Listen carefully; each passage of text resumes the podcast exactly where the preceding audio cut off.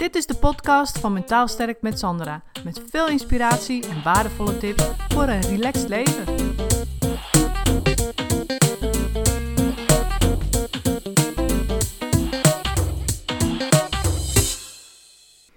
Hey, Sandra hier. En uh, vandaag wil ik het hebben over iets wat ik zelf in een hele extreme vorm heb meegemaakt. En uh, het was namelijk zo dat ik. Uh, ik was boven bezig, volgens mij op de overloop. En uh, ik was iets aan het doen. Ik was, ik was aan het schoonmaken. Ik was aan het schoonmaken. En um, ik had wel een beetje last van mijn rug. Weet je, dat, dat speelde al een poosje. Ik had een beetje last van mijn rug. En ik wist wel van, oh ja, het gaat niet allemaal lekker met die rug. Maar het ging allemaal nog, weet je, het ging allemaal nog. Dus ik ging gewoon door. Ik denk, nou, zolang het gaat, gaat het. Hè? Dus, uh, dus ik ging door. Ik was uh, lekker aan het schoonmaken, aan stofzuigen of iets. En um, op een gegeven moment, ik weet nog wel dat ik nou, voorover boog. Ik wilde iets uit een kast pakken. En op dat moment schoot mijn rug compleet op slot. Echt zo flats. Echt zo, er ging echt zo'n flits doorheen. En in één keer, ja, schoot een, een spit, zeg maar. Hè? Dus een soort spitaanval. En het schoot in mijn rug en ik kon geen kant meer op. Het enige wat ik dus kon doen, was plat op de grond vallen, op mijn buik. En blijven liggen. En, dat, en het deed ontzettend veel zeer. Het was echt gewoon bizar. Het was net of er een, een, een, een of andere ja, een bliksemschicht zeg maar door mijn rug schoot. Dus ik ging op de grond. Ja, ik viel eigenlijk gewoon op de grond, op, op mijn buik. En het was echt bizar. Want het eerste wat ik deed, mijn eerste mechanisme wat ik in gang zette, was echt dat je, je zou zeggen, nou god, er gebeurt jou iets. Uh, zou je niet eens om hulp roepen? Of zou je niet eens uh, rustig blijven liggen? Of zou je niet eens, uh, ja, eerst eens even tot jezelf komen, proberen te ontspannen, te kijken hoe je dan verder kan? Nee, dat deed ik allemaal niet. Het eerste mechanisme wat bij mij direct inkikte was ontkennen en doorgaan. Dus ik ben nou echt, ik weet ook niet hoe ik dat achteraf gedaan heb, maar ik ben met helse pijnen. Ik ben een soort op, half op mijn knieën, half liggend. Heb ik die stofzuigerslang gepakt. En ben ik dus, ja, het was echt te idioot voor. Ben ik doorgegaan met stofzuigen. Je moet natuurlijk niet vragen hoe dat eruit zag. Want ik lag half op mijn buik. En weet je, ik deed maar wat. Ik kon helemaal nergens goed meer bij. Maar dat was mijn mechanisme. Ik, ik wilde gewoon doorgaan. En ja, op een gegeven moment ging dat natuurlijk echt niet meer. Mijn man die kwam thuis en, en, en ik, ik, kon de trap niet af. En dus die betrapte me eigenlijk een soort van. En toen moest ik wel bekennen dat het niet goed met me ging. Dat, hij zag dat natuurlijk ook, dat ik heel raar bij lag en hing en niet overeind kon komen en al die dingen. En dat ik met die stofzuiger onder mijn oksel zat. En nou, het was gewoon een hele rare toestand. Dus die heeft me toen naar beneden gesleept en gezegd, nee, jij gaat niks meer doen. Dus dat had ik nodig. En Um, dus ik weet niet of je dat herkent of dat je het hebt meegemaakt. Maar wat, wat, je dan, wat ik dus deed, is eigenlijk een extreme vorm van vermijding. En dat is namelijk ontkennen en doorgaan. Dat mij op dat moment dus iets ergs gebeurde. Dat ik dus pijn had. En weet je, we vermijden dingen om twee redenen. En die eerste reden is, um, wat ik dus deed, is pijn vermijden. En dat deed ik door het te ontkennen. Want ik wilde die pijn niet voelen. Dus ik ontkende het. En ik ging gewoon door. Nou, niet gewoon. Maar ik ging door met wat ik op dat moment aan het doen was. Dus dat was één. Dus dat is de reden, de eerste reden waarom ik die vermijdingsstrategie koos. Omdat ik die pijn wilde vermijden. Ik wilde dat niet voelen. En de tweede reden was dat ik me op korte termijn weer goed wilde voelen. En dat deed ik door mijn omgeving onder controle te houden. Dus door die omgeving proberen schoon te maken. Dat is, was mijn controle. Dat ik echt zoiets had van: oké, pijn, die is er niet. Ik ontken, ik ga door, want ik wil me op korte termijn weer goed voelen. En dat doe ik door controle te houden over mijn omgeving. Door alles weer schoon te maken. Dan voel ik me weer even goed. Weet je? Dus dat is wat ik deed. En dat is een heel menselijk mechanisme. Want ja, misschien herken je dit ook wel. Of is het voor jou ook wel eens goed om daarover na te denken? Want als jou iets ergs overkomt, uh, bijvoorbeeld ja, pijn of, of iets anders, een tegenslag in je leven of je hebt kritiek gehad of wat dan ook.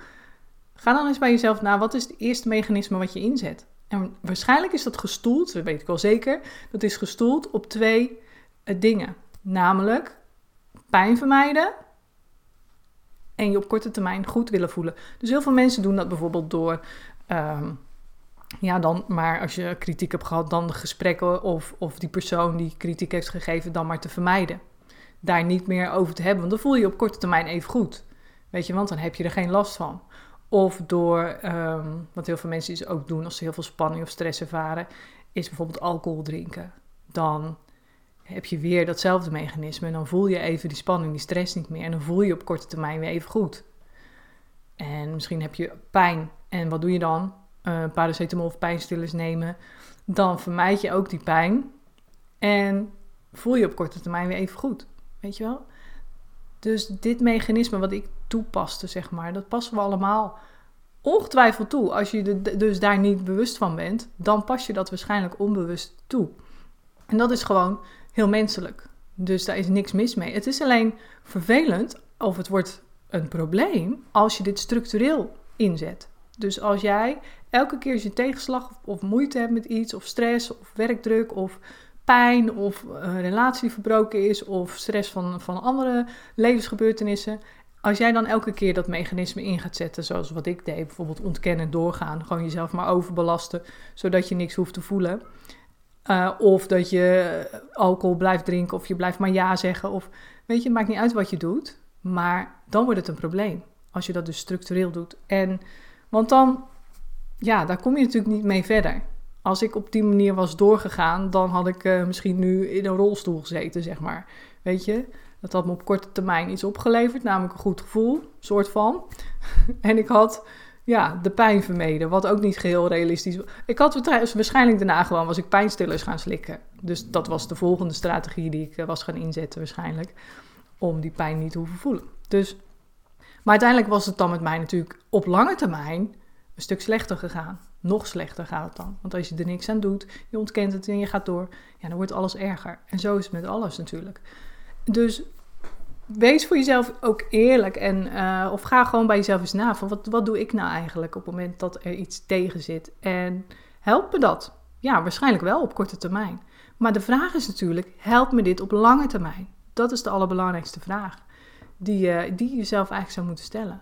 Help me deze vermijdingsstrategie op lange termijn ook. Soms kan het even helpen als je bijvoorbeeld zegt, nou, ik ga even een film kijken of ik ga even een spelletje doen of heb ik even afleiding en dan ja, voel ik me inderdaad weer even goed of dan kan ik ontspannen.